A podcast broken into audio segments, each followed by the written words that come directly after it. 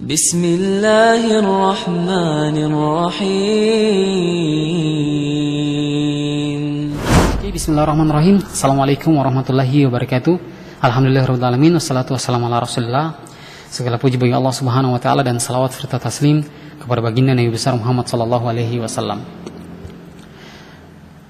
Berkarya di masa pandemi saat ini itu bisa kita lakukan tergantung kita mau atau tidak. Dan sebenarnya apapun kondisinya kita bisa berkarya.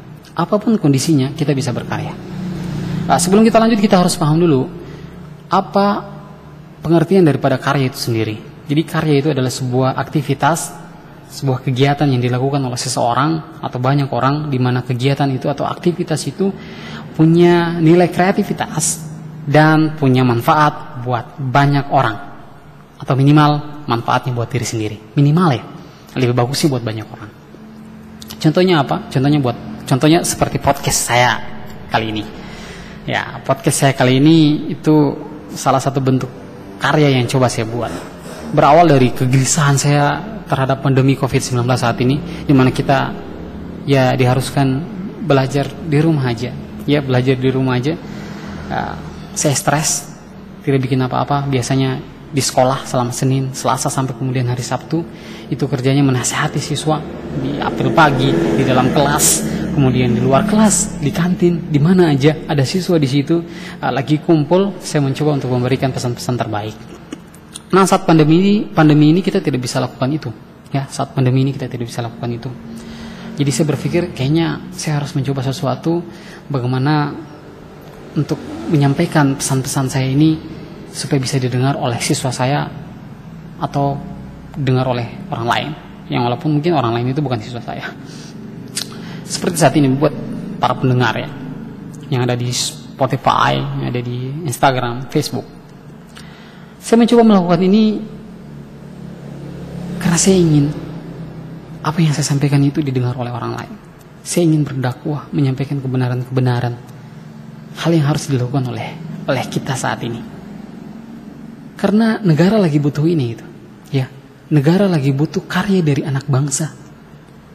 Saya ulangi, negara lagi butuh karya dari anak bangsa. Tentunya karya yang punya manfaat buat banyak orang. Bukan sebuah kegiatan atau aktivitas yang malah merusak. Kita contoh ya, seperti aplikasi tok-tok itu. Tik-tak apalah itu. Joget-joget apa segala macam, apa manfaatnya?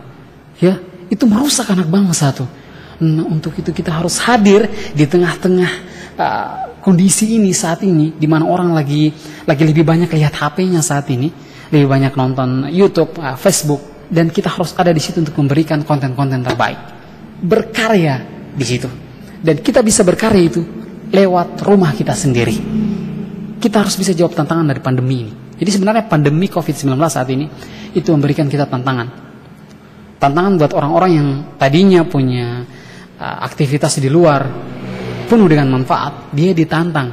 Apakah kalau dia dia lagi ada di dalam rumah? Nah, saya sampai belepotan nih. Saking terlalu emosinya mungkin ya. ya. Jadi, walaupun dia ada di dalam rumah, apakah dia mampu memberikan manfaat buat orang banyak seperti layaknya dia ada di luar? Dan saya lagi mencoba untuk menjawab tantangan itu. Ya. Dan kalian semuanya yang mendengar ini atau bahkan yang lagi menonton harus bisa menjawab tantangan itu. Lakukan apa yang bisa Anda lakukan. Anda bisa menulis, maka tulis. Tulis cerita-cerita yang baik, terus share agar bisa dibaca oleh orang banyak. Kemudian buat video seperti saya, baik dalam bentuk podcast, sampaikan, share di berbagai macam platform uh, platform uh, podcast seperti Spotify, uh, terus upload videonya di Instagram, di, di YouTube, di, di Facebook, lakukan selama itu punya manfaat. Karena ingat, sebaik-baik manusia adalah yang punya manfaat atau yang bermanfaat buat manusia lainnya. Saya Muhammad Anwar Habib. Sampai jumpa di podcast selanjutnya. Assalamualaikum warahmatullahi wabarakatuh.